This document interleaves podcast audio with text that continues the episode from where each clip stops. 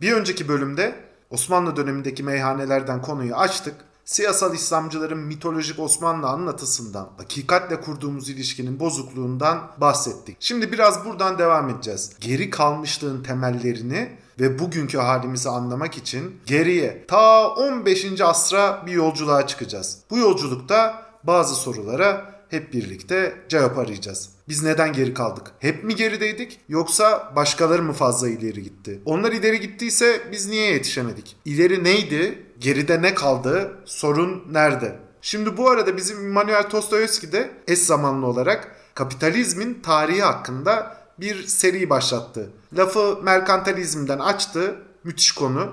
Ben de kendisini aradım. Dedim şu Osmanlı ekonomik sistemine bir bak. Ne olmaması gerekiyorsa hepsi orada var. İnceledi. Güzel de bir bölüm yayınladı. Şimdi bunların büyük katkısı var.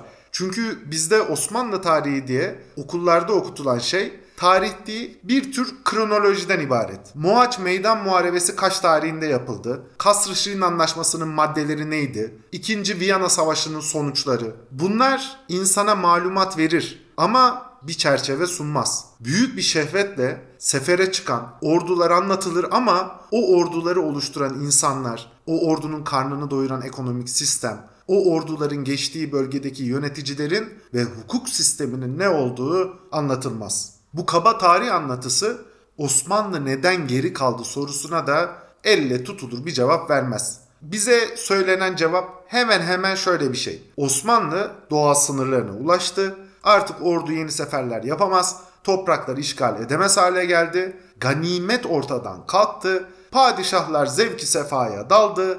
Yeniçeriler bozuldu. Habire ayaklandı. Türkler yönetimden çekildi. Yabancılar iş başına geldi. Aynı dönemde Batılılar da bunu fırsat bildiler. Devlete baskı uyguladılar. Reform adı verilen adımlarla Osmanlı sistemi bozuldu. Her ne kadar vatanını canından çok seven padişahlar özellikle 2. Abdülhamit devleti kurtarmak için elinden geleni yapsa da neticede içerideki hainler iktidara el koydular ve çöküş geldi. Yani konuyu hiç anlamamış. Tamamen yanlış. Gömleğin ilk düğmesini böyle ilikleyince de iki yakamız hala bir araya gelmiyor. Şimdi biz yavaş yavaş düğmeleri doğru iliklemeye çalışacağız. Bu seride Fatih Sultan Mehmet'in İstanbul'u fethettiği günlerden başlayacak eski rejimin çöküşüne, büyük ayrılığın gerçekleştiği 19. yüzyıla uzanacak. Sonra 20. yüzyıla geçecek. Türkiye tarihinde son 500 yılda durumu en iyi kavrayan insanla Mustafa Kemal'le hasbihal edecek. Ardından genç cumhuriyete ve onun serüvenine bakacak. 1960'lardan 80'e öz aldığı yıllara oradan da bugünlere ulaşacağız. 42 dakikanın bu bölümünde konu Türkiye'de çağdaşlaşmanın ve geri kalmışlığın tarihi.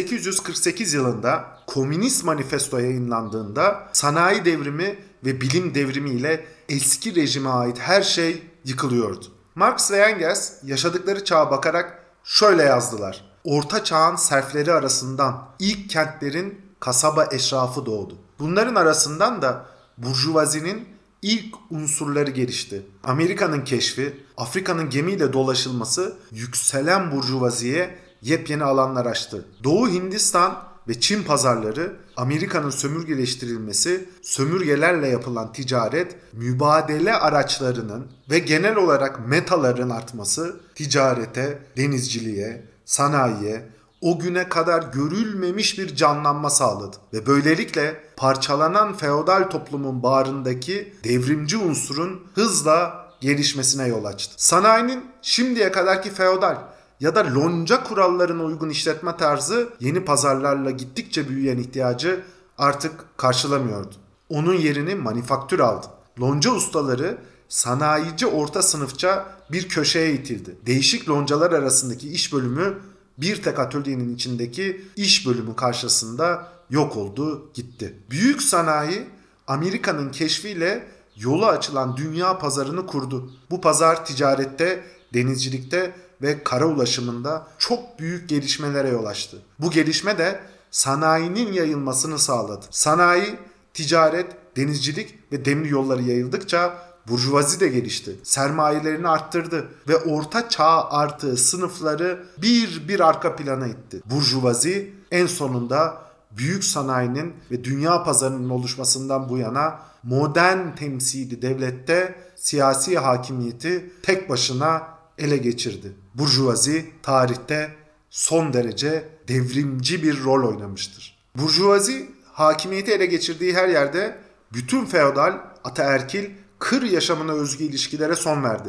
Feodal bağları acımasızca kesip attı ve insan ile insan arasında katıksız çıkardan, katı nakit ödemeden başka bir bağ bırakmadı. Marx ve Engels Komünist Manifesto'da değerlendirmelerine devam ediyor. Bizim için bu kadarı yeterli. Ortaya çıkan yeni bir sınıf burjuvazi, sanayi devrimi ve bilim devrimi ile birlikte eskiye dair ne varsa yıkıp attı. Eski sosyal sistemlerin hepsi artık yıkılacak. 19. yüzyılda yepyeni bir ekonomi, ona bağlı yeni bir sosyal yapı ve tabii ki yeni bir dünya düzeni kurulacaktı. Dünyanın sadece %8'ini kaplayan Avrupa ülkeleri yeryüzünün %80'ini kontrol etmeye başladı. 15. yüzyılda matbaa bulunduktan sonra 10 milyon kitap basılırken 19. yüzyıl başında Avrupa'da basılan kitap sayısı tam 1 milyara ulaştı.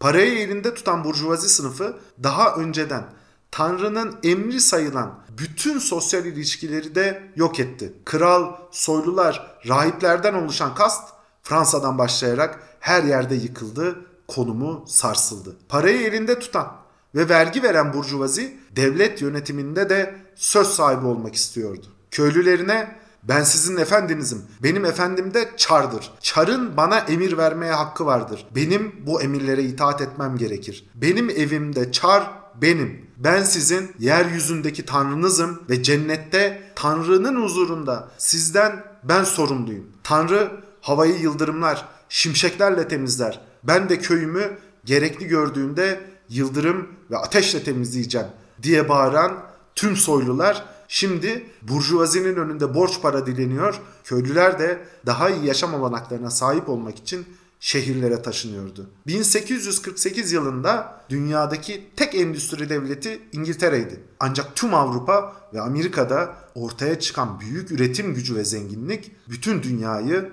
tüm kıtaları sarsıyor, herkesi etkiliyordu. Avrupa ülkeleri kanlı veya kansız devrimci değişikliklerle dönüştü. Diyebiliriz ki birçok Avrupa ülkesi Osmanlı'dan çok önce yıkılıp adeta yeniden kuruldu. Avrupa devletlerinin Osmanlı'dan bir farkı vardı. Devlet tüzel kişiliği yöneten hanedandan ayrıydı. Yani İngiltere'de bir kral vardı ama bir de kraliyet diye ayrı bir kurum vardı. Hanedan değişse de devlet devam ediyordu. Dolayısıyla yaşanan sosyal değişimler de ülke kabuk değiştirirken farklı bir devlete yol açmıyor, aynı devletin devam etmesi olarak anlaşılıyordu. Osmanlı tek bir ailenin mülküydü. Hanedanlar soylular arasında bir yarış yoktu. Devlet tüzel kişiliği aile ile iç içe geçmişti. Devletin varlığı ile ailenin bekası bu kadar iç içe girdiği için de Osmanlı'da yaşanan değişimler farklı yönde seyrediyordu. Klasik bir tarım imparatorluğu olan Osmanlı diğer tüm tarım imparatorlukları gibi değişim sancısı çekti ve neticede diğer tarım imparatorlukları gibi tarih sahnesinden çekildi. Ama biz farklı soruların peşindeyiz. Osmanlı neden bu gelişmelere ayak uyduramadı? Neden bir burjuvazi sınıfı ortaya çıkmadı?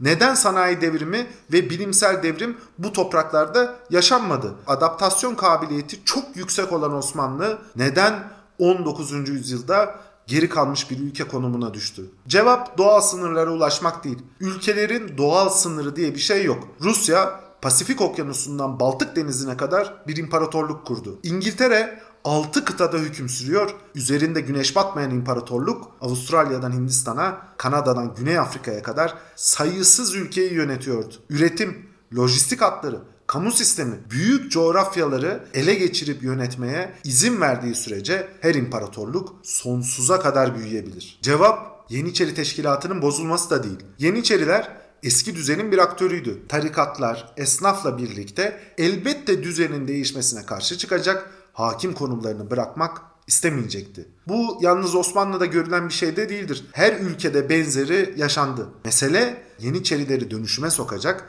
yeni bir askeri sınıf ve ordu oluşturacak dinamiklerin olmamasıydı. Yoksa Fransa'da da rahipler ve soylular bütün yetkilerini ve gücü bir başka sınıfa ve halka kolay kolay vermediler. Sorun Türklerin yönetimden çekilmesi hiç değildi. Türklerin kanında özel bir yönetim becerisi yok. Tarım imparatorlukları zaten çok milletli, çok etnik yapılı imparatorluklardır. Hatta Osmanlı'nın önemli becerilerinden biri farklı milletlerden, farklı etnik gruplardan ve kültürden insanları yönetim kademesine katabiliyor oluşuydu. Örneğin ünlü Malkoçoğlu ailesi Sırt kökenli ve esas isimleri Malkoviç'ti. Sorun elbette batılılaşmak da değildi. Osmanlı durup dururken birden değişiklik olsun diye sosyal ve ekonomik sistemini değiştirmeye çalışmadı. 1774 yılında sefer masrafları için orduya para isteyen Serdar'ına 1. Abdülhamit tez elden 3-4 bin kese akçe istemişsiniz. Mevcut olsa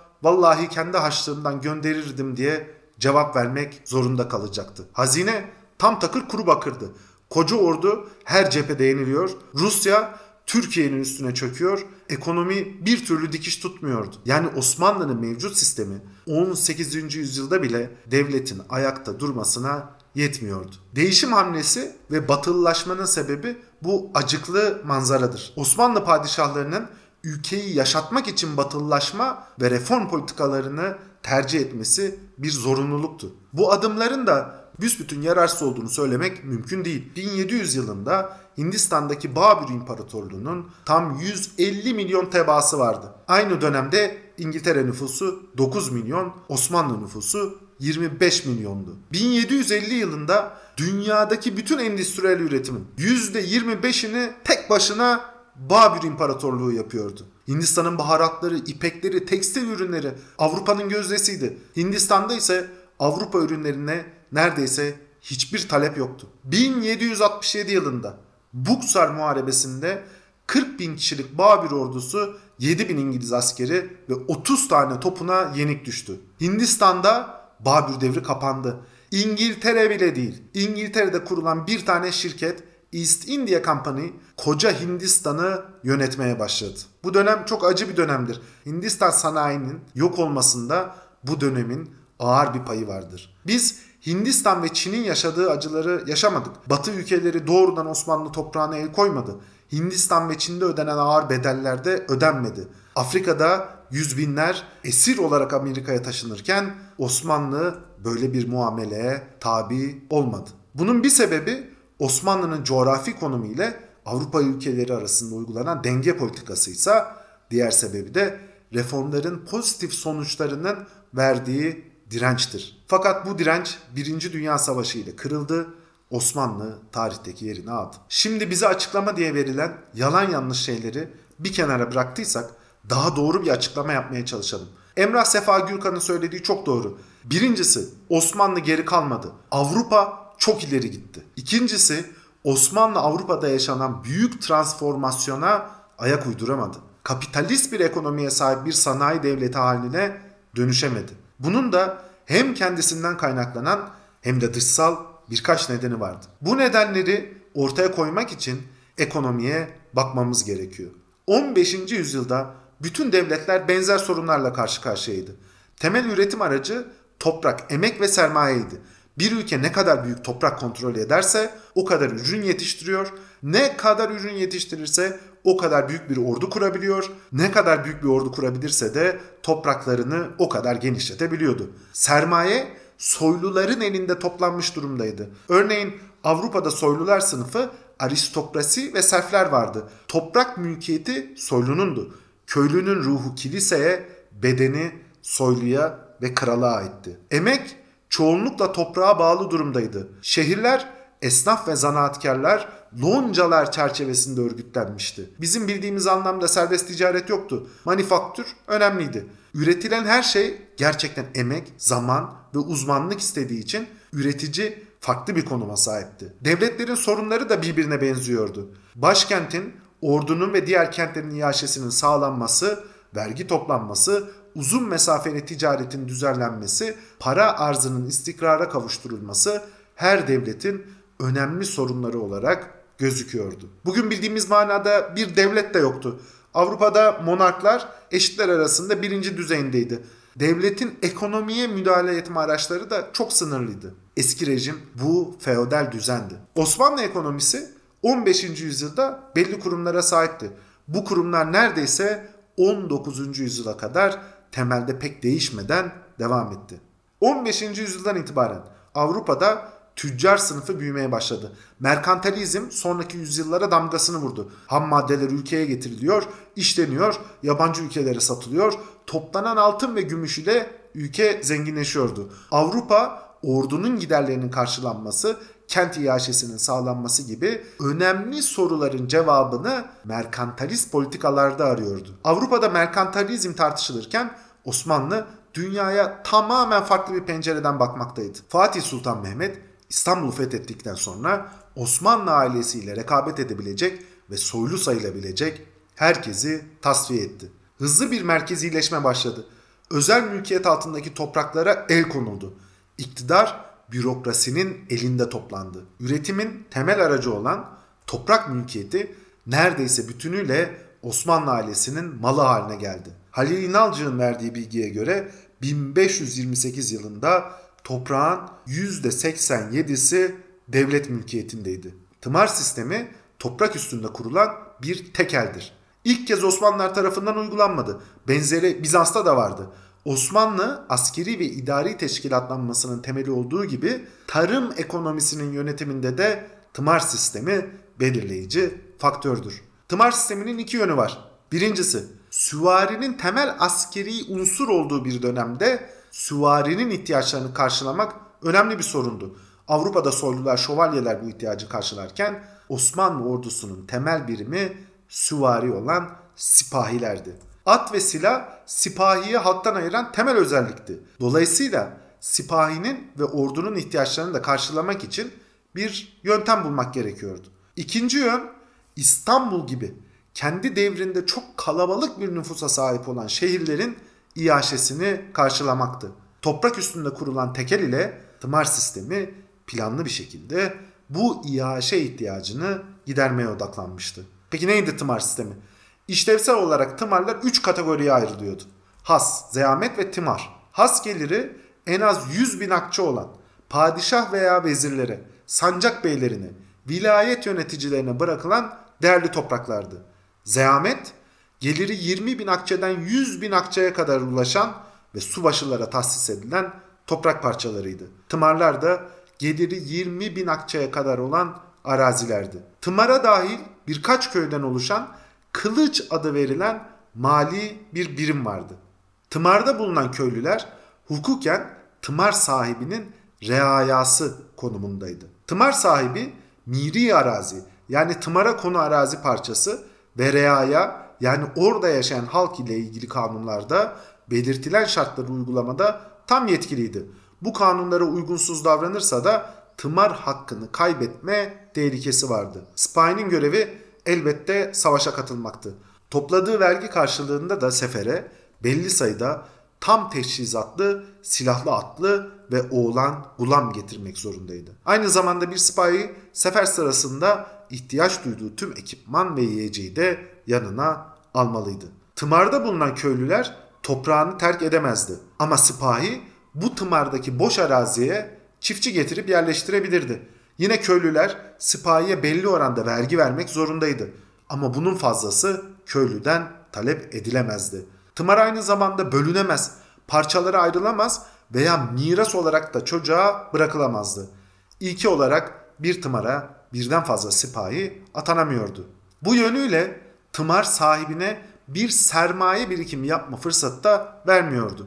Şimdi tımardan elde edilen gelir böylece sipahilere gidiyor. Bu gelir de son derece belirli olarak kaydediliyordu. Tımarda üretilen ürünler o bölgede kullanılıyor, fazlası başkente gönderiliyor, oradan da artarsa ihtiyaç sahibi bölgelere kaydırılıyordu. Böylece tımar sistemi iaşe sorununa da bir ölçüde cevap oluyordu. Toprak üstünde kamu mülkiyeti kuran Osmanlı sisteminin ikinci özelliği üretimin de denetlenmiş olmasıdır. Köylü tarlasını canının istediği gibi ekemiyordu. İstediği zaman ekip istemediği zaman ekmeme gibi bir hakkı da yoktu. Köylünün ne ekeceğine köy büyükleri karar veriyordu. 17. yüzyılda örneğin Trakya, Marmara'nın Anadolu sahilleri, İzmir, Saruhan, Tuna prenslikleri merkezin kararlaştırdığı miktar ve çeşide göre üretim yaparak ürünü İstanbul'a göndermek zorundaydı. Üretimin ikinci ayağı emek. Esnaf, zanaatkarlar ve işçiler Osmanlı'da loncalar çerçevesinde örgütlenmişti. Lonca ismi doğrudan İtalyancadan alınmıştı. Osmanlı'nın bu tip konularda hiç de muhafazakar olmadığını zaten biliyoruz. Yedik sistemi gereği örneğin İstanbul'da kaç berber olacağı önceden belirlenmişti. 100 berber varsa bu 99 olamazdı veya 101'e çıkamazdı. Lonca üyeleri arasında rekabet yoktu. Rekabet olmadığı için de esnaf arasında daha fazla mal üretmeye çalışan, yatırım yapan, yatırım arayan, işini büyütmeye gayret eden veya daha çok kar elde etmek için hareket eden de yoktu.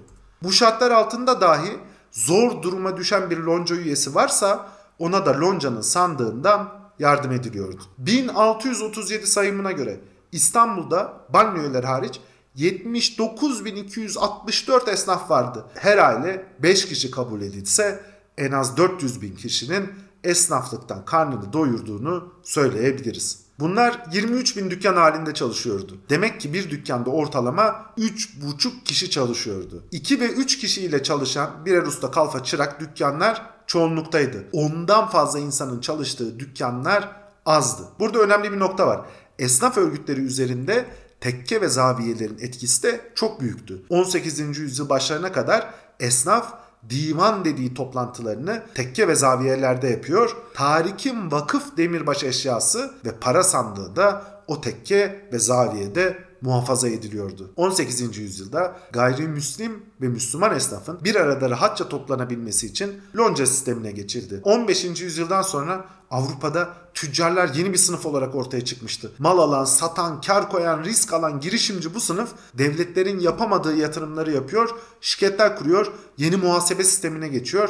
Nihayetinde finans kuruluşlarının kurulmasına da öncü oluyordu. Tüccar uzak diyarlara giden, buradaki malı alıp ülkesine getiren, kendi ülkesindeki malı başka diyarlara pazarlayan, sürekli olarak sermaye hareketini sağlayan bir sınıftı. Avrupa'da tüccar sınıfı desteklenirken Osmanlı'da durum çok farklıydı. Ciddi bir ikilem vardı. Tüccar pek sevilmiyordu. Bir yandan tüccarların kent ekonomisi için önemi biliniyordu. Diğer taraftan tüccarların kar amacıyla giriştikleri faaliyetler temel malların darlığını ağırlaştırıyor deniyordu. Bu yüzden Osmanlı tüccarları ve ticareti denetlemeye çalışıyordu. Üstelik tüccarların zenginleşmesi bu şekilde güç elde etmesi de merkezi otoritenin temel paradigmasına aykırıydı. Burada ilginç olan bir nokta daha var. Kent iaşesini çok önemseyen Osmanlı Avrupa'daki gelişmelerin tam aksine bir ticaret politikası benimsedi. Osmanlı kent iaşesi açısından yerli tüccarların ihracat yapmasına karşıydı. Çünkü burada üretilen mallar dışarı gidiyor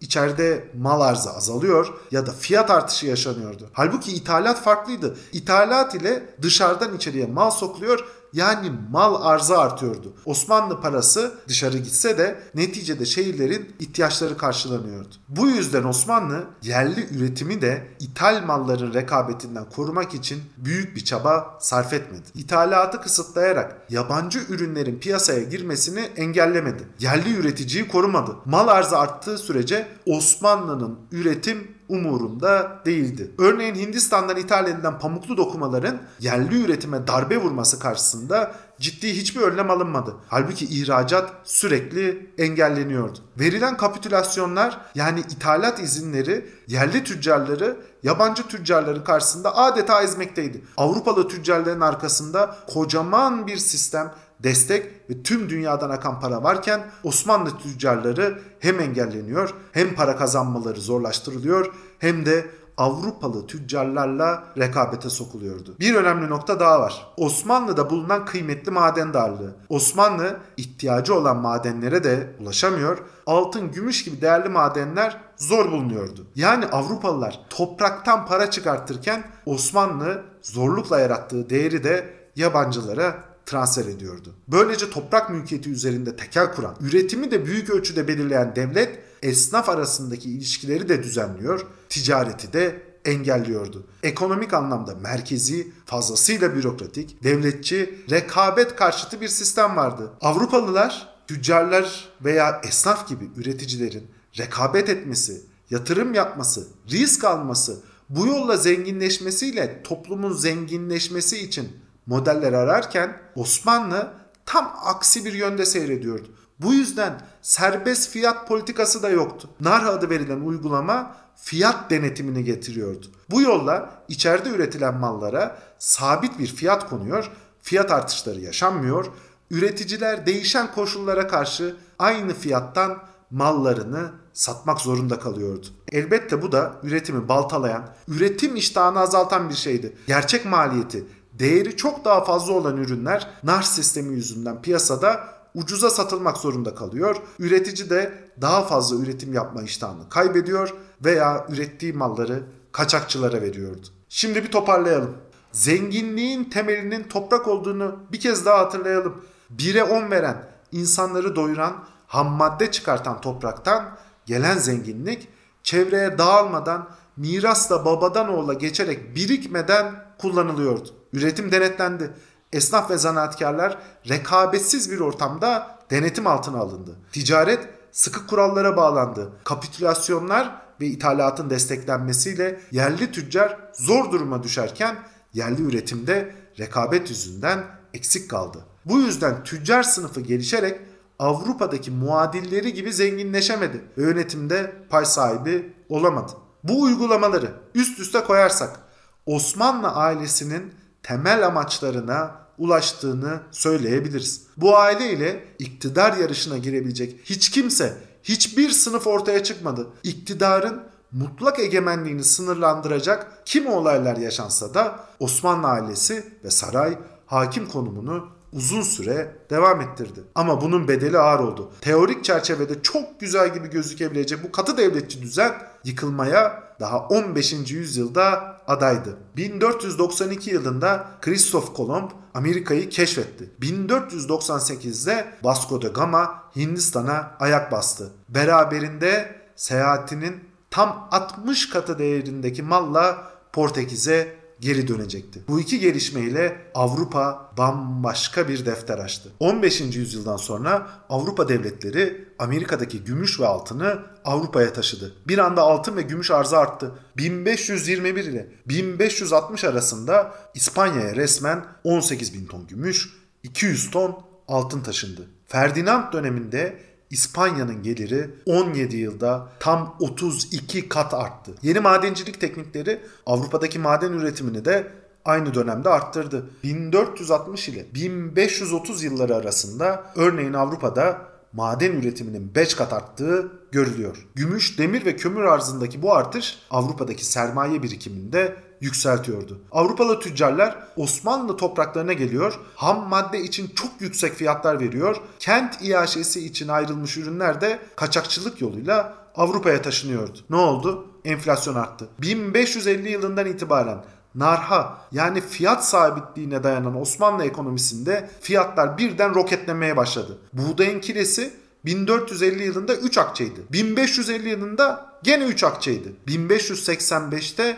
20 ile 40 akçe arasında satılmaya başladı. 1550'den 1585'e pamuklu bez fiyatı 3 kat, sade yağ 5 kat, bal tam 8 kat fiyat artışı yaşadı. Kaçakçılık kazançlı olduğu için Osmanlı'da üretilen mallar da Avrupa'ya taşınıyor. Ülkede ham madde kıtlığı yaşanıyordu. 1567'de saray Ege dokumacılarına 150 bin yelken bezi sipariş etti. Esnaf bu kadar yelken bezi veremeyeceklerini söyledi. Mallar çoktan Avrupalı tüccarlara satılmıştı. Para arzının artması paranın değerinin de düşmesine neden oldu. Fatih Sultan Mehmet döneminde 100 dirhem gümüşten 300 akçe kesilirken 2. Bayezid döneminde 1512 yılında 100 dirhem gümüşten 400 akçe kesilmeye başlandı. Yavuz dönemine gelindiğinde 100 dirhem gümüş 499 akçeye kadar çıkmıştı. 1618'de artık 100 dirhem gümüşten tam 1000 akçe kesiliyordu. 1640'tan itibaren Osmanlı havlu attı. Akçe'de yaşanan dalgalanmaların yarattığı güven kaybı nedeniyle Avrupa sikkelerinin kullanımı yaygınlaştı. Parasal istikrarı sağlayamayan devlet sikke basımını durdurdu. Darphaneleri kapattı. 17. yüzyılın sonlarına doğru geçen yaklaşık yarım yüzyıllık dönemde akçe Balkanlar ve Anadolu'da rastlanılmayan bir para birimine dönmüştü. Avrupalılar Osmanlı'dan ham madde toplarken yeni bir dinamik de ortaya çıktı. Eskiden Avrupalılar Osmanlı'ya lüks madde satarken Osmanlı'dan da kıymetli kumaşlar satın alıyordu. Şimdi ise Avrupalılar ham madde topluyor Sonra da yeni üretim yöntemleri, ticari organizasyonları ve nakliyat üstünlükleriyle üretilen lüks ürünleri yüksek katma değerle Osmanlı'ya satıyordu. Yani Osmanlı temelde ham madde satıp işlenmiş pahalı ürünü alan, üretimi de gittikçe daralan bir duruma düşmüştü. Aynı dönemde altın yumurtlayan tavukta hayatını kaybetti. Baharat ve İpek yolu yüzyıllarca temel bir zenginlik yolu olmuştu. Kervanların taşıdığı mallar çeşitli harç ve resimler ödeyerek Osmanlı ülkesinden geçiyor, Avrupa'ya ulaşıyordu. Halbuki artık Avrupa malları doğrudan Hindistan'dan alıyor. Tarihi karayolları önemlerini kaybediyordu. Doğu-batı ticaret aksının değişmesi ara konumdaki Osmanlı'nın da önemli bir kalemini buduyordu. Mehmet Bulut'a göre 1604 yılında Venedik'ten Halep'e yapılan para havalesi 1 milyon 250 bin para birimi iken 1613'te 850 bine düştü. Artık Hollanda'ya ham maddelerin sadece 5'te 1'i Akdeniz'den, 5'te 4'ü okyanuslardan Rusya'dan ithal ediliyordu. Osmanlı esnek bir maliye yönetimine de sahip değildi. Vergi artışı büyük isyanlara neden olabilirdi. Osmanlı ailesi devletin bizzat kendisi oldu ve sürekli kendisini koruma güdüsüne sahip olduğu için belli vergiler hariç diğer vergileri arttırmakta çok büyük tereddüt ediyordu. Sonuçta fiyat artışları bu kadar hızlı yaşanmasına rağmen vergi gelirleri komik kalacak bir noktaya ulaştı. Örneğin 1431 yılında bir altın 35 akçeydi. Koyun başına da yarım akçe vergi alınıyordu. Halbuki bir altının 120 akçe olduğu 1595'te koyun başına alınan vergi hala yarım akçeydi. Giderler sürekli artıyordu. Örneğin Yeniçeri ordusuna ödenen maaş tutarı 1523'te 122 milyon akçeyken 1609'da tam 380 milyon akçeye yükseldi. Tahta çıkan padişahların Yeniçerilere dağıtmak zorunda kaldığı cülüs astronomik rakamlara çıktı. 3. Mehmet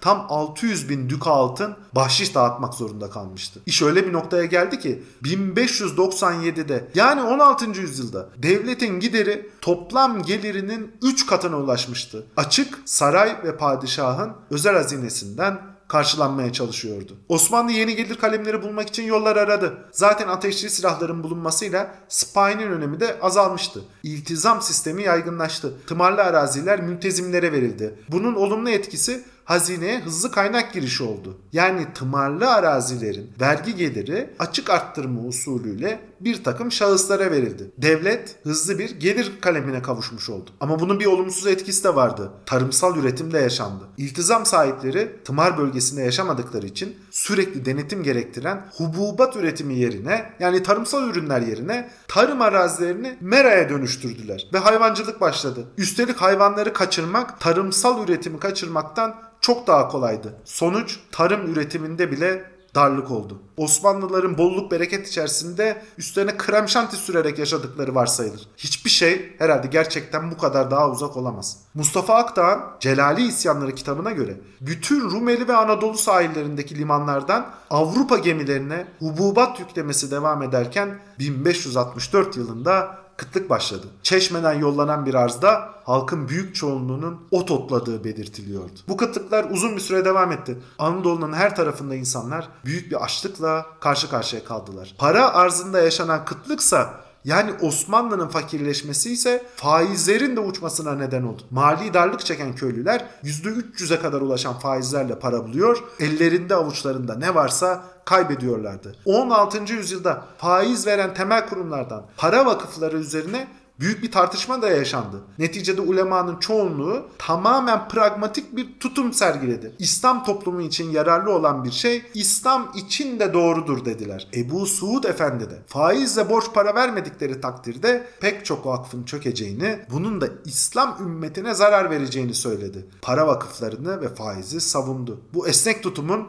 siyasal İslamcılarda güçlü tarihi kökenleri olduğunu da bu vesileyle görüyoruz. Bizim siyasal İslamcılarımız bunları bilmez ya da anlatmazlar ama Osmanlı zannettiklerinden çok daha esnek ve akılcı uygulamalar hayata geçirebiliyordu. Bu gelişmeler nedeniyle 16. yüzyılda işsizlik kasırgası Osmanlı topraklarını sarmış sarmalamış durumdaydı. Sipahi sayısı gittikçe azalıyor. Tımar köylü sipahiden oluşan sistem karakter değiştiriyordu. Köylünün ödemekle yükümlü olduğu vergi iltizam sistemi nedeniyle artmıştı. Yeniçeriler bu sistemde zor güçleriyle köylünün boğazına çökmüş durumdaydı. Örneğin Tokat ve çevresinde oturan Yeniçeriler köylüye ve esnafa 100 kuruşu aylığı 30 kuruşa yani yılda %360 faizle veriyordu. Toprağında artık üretim yapamayan köylüler tam anlamıyla işsiz kalmış. Aynı zamanda nüfus artışı nedeniyle de ortaya büyük işsiz kitleler çıkmıştı. Artık üretim yapamayan köylüler ya şehirlere gidiyor, burada ucuz iş gücü oluyor ya da dağlara çıkıp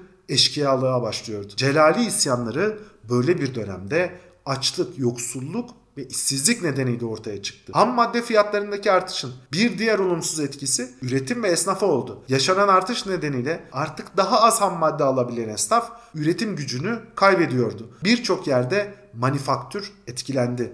Toplam üretim düştü. Bütün bunların üstüne iki dinamiğin daha Osmanlı'da belli ekonomik kurumların oluşmasını engellediği söylenebilir. Birincisi kadıların genellikle hatırlı kişiler lehine karar vermesi ekonomik sözleşmelerin gücünü ve güvenilirliğini yok ediyordu. 18. yüzyıla doğru kadılar iyice zıvanadan çıktı. Açıktan halktan para toplamaya başlamışlardı. 3. Ahmet kadılara vergilerle ilgili defterlere kendileri için akça koymamalarını ve ücretleriyle yetinmelerini hatırlatmak zorunda kalmıştı. 1729 tarihli Hattı Hümayun'da kadıların haksız işleri rüşvet karşılığında haklı göstermeye, halka da eziyet etmeye başladıkları söyleniyordu. Adalet kurumunun bu derece zedelenmesi ekonominin temeli olan güven ortamını da yok etti. Kadılar verdikleri kararlarla hukuk güvenliğini yok ettikleri için kurumsal yapıların oluşması da gittikçe zorlaştı.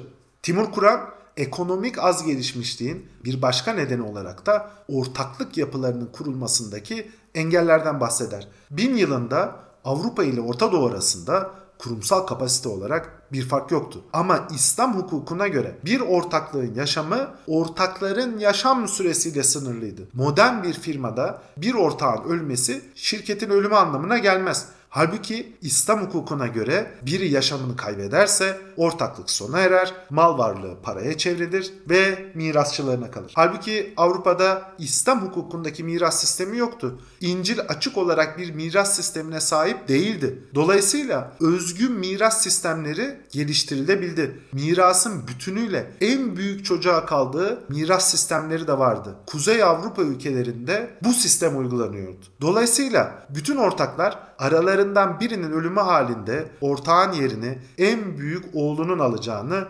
biliyordu. Büyük oğlan da babasının işini devralmaya hazır halde yetiştiriliyordu. Sistemin avantajı şuydu. Ticari işletmeler insan ömrünü aşacak uzunlukta yaşayabiliyordu. Bu da şu büyük farkı yarattı. Orta Doğu ve Osmanlı'da ticari ortaklıklar kısa süreli oldu ve sermaye birikimi yaratmadığı için gelişemediler. Halbuki Batı Avrupalı ortaklıklar yaşam sürelerini aşan bir zaman dilimine yayıldı. Sermaye birikimi arttı. Gelişmiş bir muhasebe sistemine ihtiyaç duyuldu. Benzer biçimde hisselerin devredilir hale getirilmesi ve borsa kurma ihtiyacı da ancak uzun ömürlü şirketlerin varlığıyla mümkündür. Şimdi bu gelişmelerin önemli sonuçları var. Çok ortaklı şirketler çok fazla sayıda insanın sermaye güçlerini birleştirerek bir insanın tek başına yapamayacağı işleri yapma imkanı kazandılar. Bu şirketlerin tüzel kişiliğe sahip olması hisse senetleri gibi ikincil piyasaları yarattı. Şirketlerin kredi ihtiyacına sahip olması kredi sistemini ve bankacılık sistemini güçlendirdi. 17. yüzyıl İstanbul'unda ticari ortaklıkların %80'i iki kişiden oluşuyordu. Avrupa'da oluşan sermaye birikimi ve tüccar sınıfının başka sonuçları da vardı. Tüccarlar soylu bir sınıf değildi. Asil kandan gelmiyordu. Elde ettiği sermaye birikimi nedeniyle gittikçe daha fazla oranda devlet yönetimine katılmaya başladılar. İtalyan şehir devletlerinin bazıları cumhuriyetti. Yönetim katına gelen tacirler felsefe, tarih, edebiyat gibi alanlarda desteğe ihtiyaç duyuyordu. Ortaya çıkan talep humanizmanın desteklenmesine ve büyümesine yol açtı. Tüccar sınıfının getirdiği bir diğer yenilik de verimlilik kelimesiydi. Daha az maliyette daha yüksek ürün almak, bu ürünleri de daha yüksek karla satmak, sonra bu karı tasarruf ederek biriktirmek kapitalizmin temeliydi. Osmanlı'da verimlilik diye bir konsept de yoktu. Rekabetin getirdiği verimlilik olmayınca üretim de artmıyordu. Osmanlı o dönem bütün Avrupa'yı doyurabilecek Mısır'dan bile yeteri kadar faydalanamıyordu. Sonuçta OECD için hazırlanan The World Economy Historical Statistics çalışması önemli.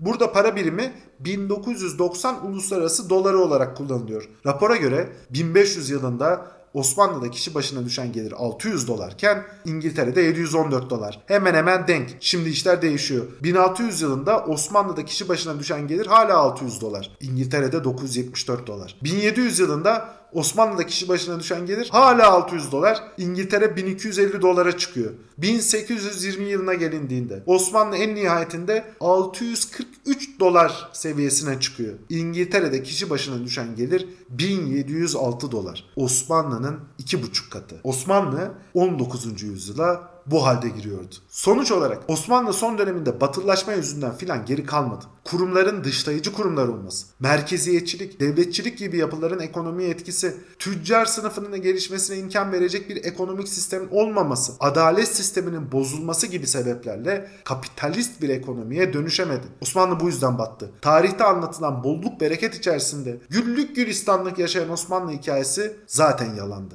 Şimdi burada bir virgül koyuyoruz. Bir sonraki bölümde uzun 19. yüzyıldan 20. yüzyılın başına kadar geçen dönemi değerlendireceğiz. Osmanlı'nın son yıllarına ve genç cumhuriyete bıraktığı mirasa hep birlikte şahit olacağız. Görüşmek üzere.